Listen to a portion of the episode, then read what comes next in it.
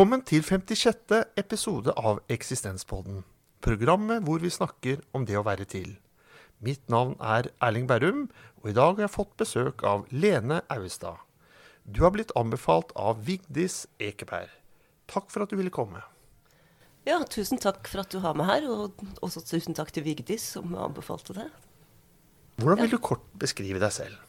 Det er jo veldig vanskelig. Og jeg tenker på Sosialpsykologiske undersøkelser de viser jo at folk er veldig dårlige generelt til å karakterisere seg selv, så det er alltid bedre at noen andre gjør det, så å si. Men uh, jeg kan jo si at jeg er introvert. Det er vel en ting som uh, Så fra jeg var liten, jeg har alltid vært liksom, veldig glad i sånn å sitte stille og lese bøker. Og leste masse, masse. På en måte veldig interessert i å gå inn i ting, granske ting på nært hold. Og så er jeg vel også på en måte opprørsk på noen ting. Liker å utfordre etablerte sannheter, være kritisk og noen ting. Hva tenker du kan være viktig å nevne om deg og ditt liv?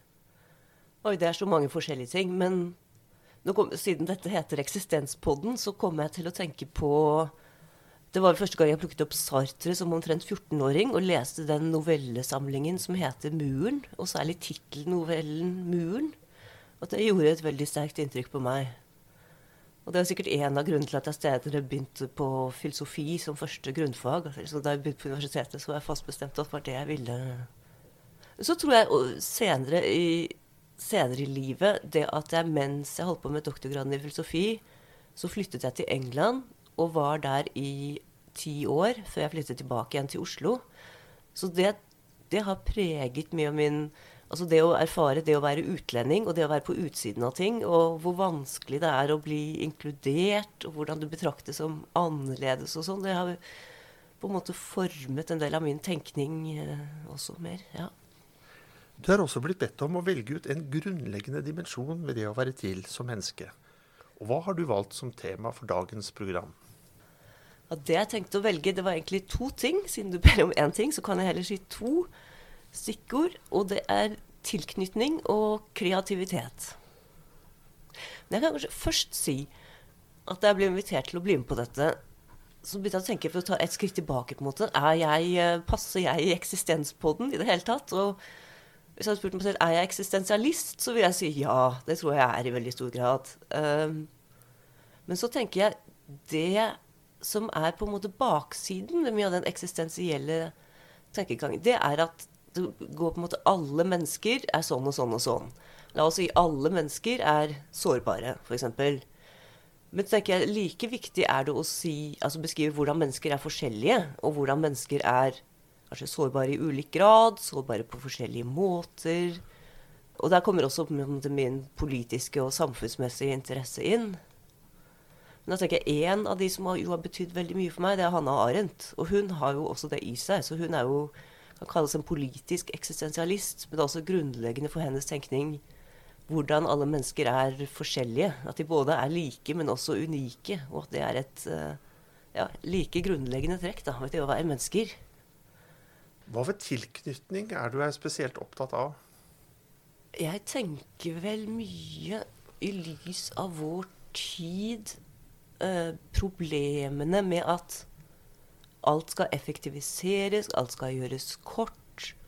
At man ikke på en måte At samfunnet ikke gir gehør for det viktige ved at mennesker Altså, vi trenger å bygge opp langvarige forhold til hverandre, og det er en av de mest sentrale tingene som gir oss mening. Som lar oss bygge opp måte, tillit til hverandre på, på, sikt.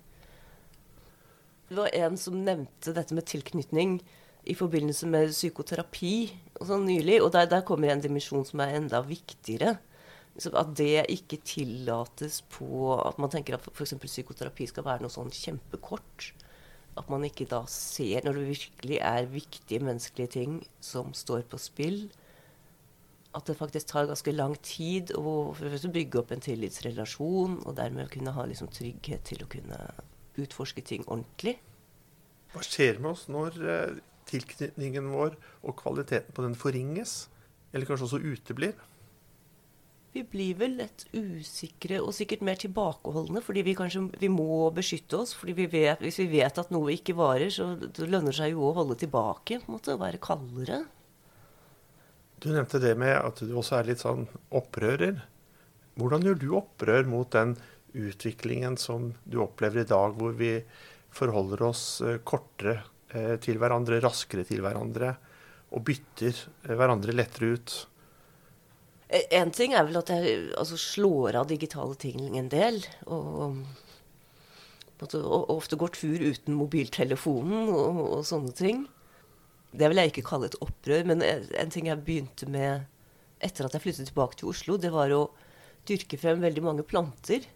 Så har man iallfall noe man kan Det var også et fordi jeg syns den norske vinteren er så trist, hvor alt er dødt og ingenting er i live. Men inni seg selv så kan man faktisk holde ting i live. Og det er det som, som krever si, omsorg over lengre tid. da. Å få noe til å vokse frem selv. Så det er noe ja, veldig meningsfylt ved det. Du nevnte jo også kreativitet. altså Nevnte du det for seg selv, eller nevnte du det i forbindelse med tilknytning? Begge deler. Også. Man kan, det kan tenkes på begge måter. Men uh, kan si det er forutsetning for kreativitet å ha en trygg nok tilknytning til noe eller noen som ikke bare forutsetter lydighet, på en måte, at man må underkaste seg noe, men uh, man kan ha en dialog med, som man utvikler seg ved hjelp av. Opplever du at det er forskjellige typer tilknytninger? Ja, det fins jo Ja. det er helt klart at det fins destruktive tilknytningsforhold. Hva handler det om? Det handler jo om Og det er også en ting som er altfor lite til stede i på en måte dagens dominerende menneskesyn. Det at mennesker faktisk trenger andre mennesker. Og noen ganger så kan den destruktive tilknytningen være bedre enn ingenting. på en måte. Jeg tenker på tilknytning også som eh, noe gjensidig. Én ting er at vi blir kanskje avvist av andre, eller ikke fulgt opp av andre. Men hva kan vi selv gjøre for å styrke vår tilknytning til andre? En ting er at er et nyttårsløfte som jeg ikke har oppfylt ennå. Det er å invitere flere mennesker på middag som jeg ikke har hatt på middag før. Og prøve å utvide litt. For det med, altså, det norske samfunnet, Nordmenn er ikke så veldig gjestfrie. Eller man er forsiktige med å ta kontakt med litt nye mennesker. Litt mennesker fra andre sosiale miljøer og sånn også. Men det syns jeg er faktisk viktig å på en måte, Det er en viktig erfaring å kunne veksle litt mellom ulike sosiale miljøer og ulike mennesker. Og kanskje strekke ut en hånd til andre som ikke er så nære, da, men som kan bli det. Jeg tenker jo på forskjellige typer tilknytninger. Da, så tenker jeg på det å ha en tilknytning til noe utenfor deg selv som da kanskje ikke nødvendigvis er en direkte relasjon, men kanskje som er eh, en gruppe. Eh, som f.eks. Eh, et fotballag med fotballtilhengere. Og så får man veldig tilknytning til det laget og det, dets lagets både seier og tap. Tenker du det er en tilknytning som står for seg selv, eller tenker du det er en tilknytning som også kan være et substitutt for kanskje andre typer tilknytninger? Ja, Det kan man jo håper, si om nesten alt, at det både kan stå for seg selv og være en tilknytning, være substitutt for noe annet. Men det minner meg på, for jeg og noen andre vi har nylig stiftet et kor som heter Antifascistisk kor. Hvor poenget ikke er at man er god til å synge, men at man er antifascist. Sånn at hvem som helst kan være med, uavhengig av nivå. på en måte. Og da tenker jeg det er først og fremst aller mest meningsfylt pga. noe med den tilknytningen. At man møtes og har det hyggelig sammen. Og at det er kreativt, på en måte. Man kan gjøre noe sammen. Uh, ja. Hva tenker du kan være med på å styrke en tilknytning som man har, da? Om det er å si til være seg en venn, en kollega eller et annet medmenneske. Må det være mer tid? Ja, ofte mer tid. Og også det å gjøre ting sammen. Jeg si, for jeg har også i mange år organisert konferanser og seminarer hvor jeg har prioritert det at folk kan ha en dialog med hverandre. At det er nok tid og rom for det. Både å skape på en måte trygge nok forhold til at folk føler seg komfortable med å eh, snakke med hverandre. Men også at er, der er tid også veldig, veldig viktig. For det er jo en svakhet i hvordan mye ting gjøres i dag. At det kuttes så mye ned på tid. At man ikke kan ha noen ordentlig uh, dialog eller refleksjon eller uh, utveksling mer i dybden. Når det gjelder uh, det å ha tilknytning til sitt eget liv, da. Å eie sitt eget liv og sin historie og sin identitet. Det kan jo flere få utfordringer med noen ganger, hvor de på en måte mister motivasjonen for seg selv og sitt eget liv og går inn i depresjoner og, og lignende. Hva tenker du bidrar til at man mister tilknytningen til seg selv og, og eget liv, eller hva kan bidra til det? Der er jo jeg tror, store tap viktig. Hvis man mister noen som står en nær, kan være foreldre, kjærester, eller Og mister andre former for tap av relasjoner. Så det, det viser igjen på hvordan på en måte bånd til viktige andre, og kanskje viktige miljøer, viktige kilder, igjen er en del av en selv. Så kan si objektrelasjonsteori som vi kaller det indre objekter. At man også har disse tingene inni seg. Og hvis de blir borte, så blir det på en måte, tomt inni igjen. Ja, Der tenker jeg noen ganger også på det med når et eh, par eh, skilles. Eh, så er det ikke bare de to som skilles, det er to familier som skilles. Ofte. Ja. Det kan, og det blir jo da et enda større tomrom. Ikke bare den du var i direkte relasjon med, men også alle de andre rundt som blir borte. Ja, og ikke bare familie, men også venner på mange forskjellige felter. Og måter å leve på og være på sammen. Men et brudd, det er en veldig sånn tydelig måte å bidra til at tilknytningen forsvinner. Men er det noen andre måter man kan miste en tilknytning på som ikke handler om brudd, men som handler om kanskje atferd over tid? Ja, jo, Man kan jo vokse fra hverandre også. At man uh, utvikler seg forskjellig. Man var hadde mer felles interesse og felles horisont i utgangspunktet, og så blir man mer forskjellige. Kan det da igjen handle om at man glemmer å oppdatere seg på hverandre også? Ja. Jeg var i et sånt forhold hvor vi liksom vokste fra hverandre. Og vi begge to eh, tok erkjennelsen av at vi ikke kjente hverandre igjen lenger i forhold til hvem vi oppfattet hverandre som. da. Hun kjente seg ikke igjen i min beskrivelse av henne. Og jeg kjente meg ikke igjen i hennes beskrivelse av meg. Vi hadde begge sluttet å oppdatere oss på hverandre da. Og da hadde vi vel også mistet den nødvendige tilknytningen vi trengte.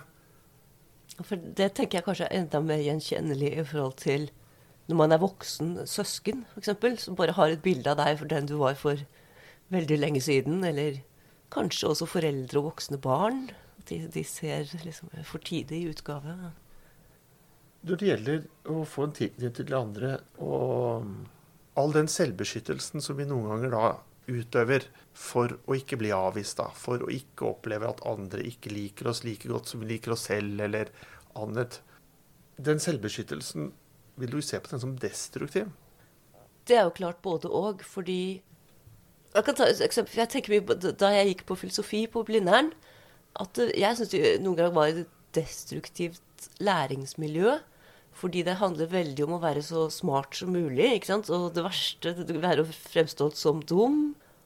Og dermed at det gjelder liksom å ha ja, konkurrere om å ha liksom de, de, beste argumentene og de beste og name-droppe Ja, men Heidegger sa sånn og sånn. Og, og dessuten tenker på de som Hvis noen foreleser Hvis de setter alt inn på at hele argumentet skal være så perfekt utformet som mulig, så gjør jo det at de som hører på, de kan sitte og være veldig beundrende. Men det det også gjør, det er at det lukker. Så hvis man serverer noe som er litt mer uferdig og litt mer åpent, så gjør man faktisk dialog mye lettere. Da lar du noen andre få lov å komme inn, og de kan på en måte mer undre seg sammen med deg, da. Så jeg har hatt som mål å skape rom for på en måte læring, utveksling og sånn, som er mye mer inkluderende og avslappet, sånn at man kan ha en annen form på ting. Og da er det ikke om å gjøre å 'se på meg, jeg er så fantastisk briljant og flink'. For da, da, åpner man ikke for eh, andre i det hele tatt. Men den litt andre formen som er mer inkluderende og åpen, gjør du noen strukturelle grep, eller liksom sånn helt bevisste handlinger, inkludert språkhandlinger, for å skape den relasjonen? Ja, jeg fremhever veldig at det er dialogen som står i sentrum, og at alle kan bidra og sånn. Og så tror jeg jeg prøver å fremstå som litt mer avslappet og uhøytidelig selv.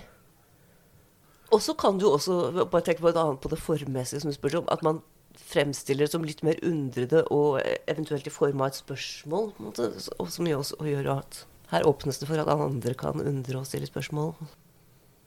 Jeg er litt undrende til hvor blir det av en sånn positiv motstand da, til mye av de negative holdningene og lite konstruktive dialogene som i dag dominerer uh, offentligheten?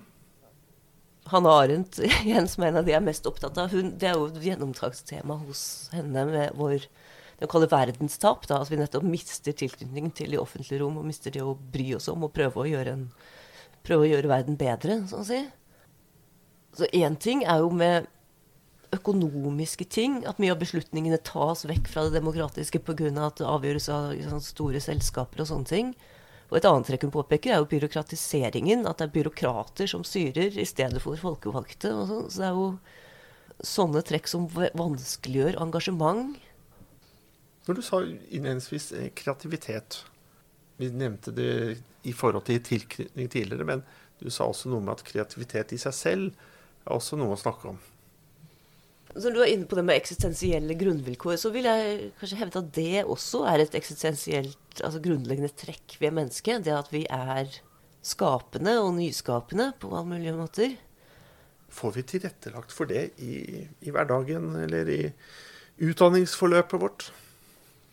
Nei, i liten grad, dessverre. Det er jo sånn mye av kanskje både skolesystem og universitetssystem dreper eh, kreativitet. Hva gjør det med oss? Det gjør oss vel fattigere. Vi får på en måte fra samfunnet beskjed om at det er en del av sider ved oss selv vi ikke har lov til å bruke. Så er det slik at vi bare får lov til å bruke en sånn del av oss da, i samfunnet, og ikke hele oss? Ja. Egentlig kunne jeg tenke meg et samfunn hvor man kunne ha Kanskje hvor alle hadde flere ulike jobber, sånn at de fikk brukt ulike sider av seg selv, og ikke, ikke at det bare skal begrense til å spesialiseres i noe. Men sånn i forhold til eh, det å være et eh, skapende menneske og ikke få brukt den skapende egenskapen, evnen i oss, forringer det liksom livskvaliteten vår på en slik måte at det også kan redusere vår evne til tilknytning, for å gå litt tilbake også til det? Ja, det, det tror jeg absolutt det kan. Men i forhold til eh, deg og, og ditt liv og dine tilknytninger, hva er det du har en sterkest tilknytning til i dag? Det er jo flere ting. Um, for jeg er jo nå frilanser, og noe av det jeg gjør på egen hånd med altså, en konferanseserie som heter Psychoanalysis and Politics, så noe av de konferansene og tilknyttede seminarer og sånn, det er uh, såpass viktig for meg. Og det handler både om innholdet og om det å skape et slags rom hvor man kan på en måte dele tanker. Har du hatt mange av de? Ja, det er vel nå eller 13 år, så noe mer enn ja, i forskjellige land. Ja. Og de rom som du da skaper, eh, hva har du opplevd har kommet ut av de, hvis du skal sette noen ord på det? Nye tanker og ideer og relasjoner på tvers av landegrenser og andre typer grenser, så å si. Er disse foredragene avhengig av deg i dag, eller er de i ferd med å bli selvgående? Ja, De er avhengig av meg. Er det noe annet i livet du i dag har en sterk tilknytning til som du, er viktig for deg? Det å skrive er veldig viktig for meg. Hva er det du skriver på da? Egentlig forskjellige fagtekster, stort sett. Og det går mye krysningsfeltet filosofi og psykoanalyse. Og så har jeg også skrevet litt mer eh, journalistiske tekster etter hvert. Litt mer sånn om da forskjellige samfunnsrelaterte ting. Og også kanskje litt om kunst og den type ting. Har du noen ja. tilknytninger i dag du gjerne kunne liksom bevege deg vekk ifra, som du gjerne kunne vært foruten? Oi. Vanskelig spørsmål. Så jeg er litt delt til det med Norge og det norske samfunnet og sånn, og følt meg sånn til dels som utlending og det, det er både bra og dårlig. Og så har jeg merket etter at jeg flyttet tilbake igjen til Oslo, hvor mye lettere det er å bli tatt inn og bli invitert på, med på ting. Så det er på en måte en positiv i motsetning til det å slite og slite som, som utlending, på en måte hvor det er mye vanskeligere å oppnå. Men i filosofihistorien, eller psykoanalysen, da, er det der eh, skikkelser som du har en ekstra sterk tilknytning til? Du nevnte Hanne Arnt, men er det noen andre du opplever å stå et nært forhold til? Ja, det er jo en rekke Egentlig tenkte jeg på psykoanalysen tenkte jeg mye på Winnicott. Som, som både snakker både om det om tilknytning og kreativitet. Og det syns jeg er en styrke ved noe av den psykoanalysen og objektrelasjonsteorien, da, som han er en del av særlig, at det går inn på de konkrete situasjonene.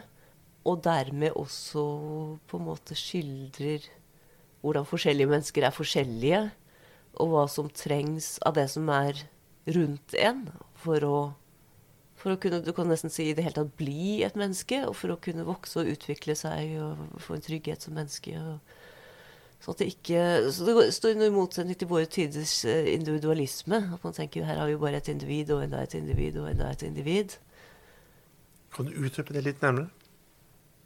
Ja, for, for, Winnicott så er det sånn at vi begynner i en relasjon. da Spedbarnet begynner i en relasjon til moren og er ingenting utenom det. Hvis det blir overlatt til seg selv, så ville det bare dødd og vært ingenting. Og på en måte speiler seg selv i morens blikk. Så han har en formulering om at når spedbarnet ser inn i ansiktet til moren, så ser det seg selv.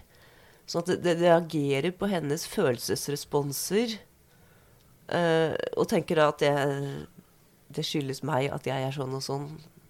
Så hvis jeg blir avvist, så er det fordi jeg ikke er noe bra. Og da må jeg gjøre noe for å på en måte tilpasse meg og please mor. Og sånn at kan det bli en for stor grad av tilpasning hvis man ikke får lov å bare være seg selv og være autentisk og bli godtatt ut fra det. Det tidlige begynnelsen til kreativitet så snakker han også om den spontane gesten. At spedbarnet gjør en eller annen spontan gest, og så blir det måte, mottatt av moren, som på en måte klarer å svare på det. Ja, det, det, begynner å bygge opp det han kaller det, det sanne selvet, som er en, et element i seg selv. Men hvis man møtes av for mye Altså man, man, blir ikke møtt, eller man blir korrigert, eller sånn 'nei, fy, det er feil', og må tilpasse seg i altfor stor grad for å prøve å please den andre, så vil man domineres av det han kaller et falskt selv, som er um, en forsvarsmekanisme, da. Og som alle har i noen grad, men som hvis det blir for dominerende, så er uh, si, selve og kreativiteten for hemmet. Eller du kan si at en mor som er deprimert og derfor ikke er til stede for deg i det hele tatt. Men dette sanne selve, da, det får uh kanskje i større grad bekreftelser på egen atferd. Er det sånn å forstå? Ja. Blir bli på en måte møtt. Jeg tenker Når du skal kalle det bekreftelse, så ja. Bli på møtt sånn at det blir en på en måte dialog ut fra det spontane. Ja. Men jeg opplever at det må være en sånn, må være balansegang der òg. For noe korreksjon trenger vi også. Det er sant. Så jeg sier at det er ingen som bare har et, eh, et sant selv. Det er det grensetilfelle. Hva tenker du om å liksom overføre den type tanker også til voksne mennesker, og relasjonen mellom voksne mennesker i måten vi forholder oss til hverandre på? Så jeg tror som voksen at det er egentlig mye av det samme. Både som voksen at man kan ha i seg fortidige opplevelser og bli godtatt og anerkjent, og på en måte ta vare på det, så man har en viss ballast. på en måte. Eh, men også at man er eh, avhengig av at noe løpende kontakt er der. Så når du sier ordet bekreftelse, så tenker jeg ja, det stemmer, men på den annen side så stemmer det ikke helt. fordi det er, det er vel, vel, så mye å bli møtt som en sånn At jeg kan komme med noe spontant, og så kan du gå videre på det spontane, på en måte. At vi kan være skapende sammen. Nærmest dialog, da. Men en dialog hvor man kanskje i større grad følger hverandre mm. eh, på veien? Og ikke sånn som Sondre Lerche snakker om sånn toveismonolog, hvor du prater, jeg prater, og så Jeg følger ikke din prat, du følger ikke min prat, men vi bare bytter om å prate. Det er jo ikke så sunn relasjon. Nei. Det er kanskje Analogi vil være en jazzmusiker som begynner å spille noe, og så begynner du å på en måte bygge på og svare på det. Altså Sånn at du, du gjør noe også skapende, men det, det, er også en refleksjon over det jeg gjør. Og så kan man på en måte ja. Vil det da skape ja. den tryggheten som du snakket om tidligere, som også kan da frigjøre mer kreativitet hos meg? Hvis du i større grad følger meg i, i mine tanker og gir meg bekreftelse, og improviserer sammen med meg, så genererer du kreativitet hos meg, og motsatt. Ja, ja nettopp. Ja. I en sånn type samtale og dialog, vil det måtte være noe veksling der? Jeg ser for meg at hvis du skal liksom følge meg i min tankegang og bekrefte den, så, så må jo du være liksom litt i den tankeverdenen en periode før vi eventuelt kan bytte over, hvor du også har en tanke i det som du vil utvikle videre sammen med meg. Ja, absolutt. Så det bør være noe uh, gjensidighet, ja. Og så trenger det også være en liksom, trygghet som ligger til grunn. At ikke, ikke sant, med en gang du begynner å si noe, så sier jeg nei, det var kjempedumt og feil. Ja. Ja, En av de beste sommerferiene som jeg har hatt, eh, var med min gode venn eh, Magne. Vi var på Kreta sammen med min sønn Johannes. Og så lurte jeg på etterpå hvorfor gikk denne ferien så bra? Var så hyggelig. Og så prøvde jeg å tenke litt over hva som lå til grunn for det. Og så hadde det noe med, med Magne å gjøre. At jeg la merke til at han var en som hele tiden lot seg lede av det positive initiativ. Så hvis jeg foreslo noe, ja, men da gjør vi det. Ja, ikke sant? Og så ble det ikke noe krangling og diskusjon på det hvordan ene ville mot den andre. Men den som først foreslo noe, da gjorde vi det. Og så lot vi oss lede av det. Og så gjorde vi det sammen. Det tenkte jeg etterpå var liksom noe av grunnen til at det ble veldig bra. Og det får meg til å tenke på det du også sier nå det med å liksom følge hverandre, og ikke legge ned noen sånne sperringer eller stopp. For da mister vi den gode flyten vi kan få sammen som mennesker da. Ja. Ja. Eh, vi nærmer oss uh, slutten på dagens uh, samtale. Har du noen ord til slutt som du gjerne vil formidle? I forhold til det med kreativitet så har jeg ofte tenkt at jeg skulle ønske museer og andre institusjoner hadde flere kunstworkshops for voksne. For det har jeg pleid å få med meg de, de, få gangene det er. Men som regel tenker de bare at det er noe for barn, og ikke for voksne. Men jeg tenker det er i høyeste grad for voksne. At voksne må også få lov å på en måte leke seg og kunne gjøre ting uhøytidelig. Kan det også være aktuelt sånn i privat sammenheng? Ja, ikke sant? At når man kommer sammen, ikke bare gjør det vante å spise middag og snakke om mat hver gang, men at man kan gjøre noe kreativt og morsomt sammen i større grad. Ja. Ha f.eks. en kunstworkshop sammen, eller Jeg prøvde en gang å invitere til selskap at tok med, alle tok med en liten tekst som de hadde lyst til å lese. Og det fungerte sånn passe, da. Men uh, ja, jeg syns sånne ting er gode ideer. Å gjøre litt, uh, være sammen på litt andre måter. Prøve å finne på litt andre ting. Du har jo lest mange bøker på din vei gjennom disse bøkene? Er det noen visdomsord du har møtt på som har gjort et veldig godt inntrykk på deg, og som du ofte går tilbake til, eller gjerne liker å vise til, som du også kan dele med lytterne? Det er et fra Rosa Luxemburg, som er hvis man ikke, den som ikke beveger seg, eh, merker ikke lenkene sine. Da takker jeg deg for samtalen. Takk også til deg som lytter for å ha fulgt oss denne gang. Vi høres igjen. Og inntil da, ha det bedre enn bra.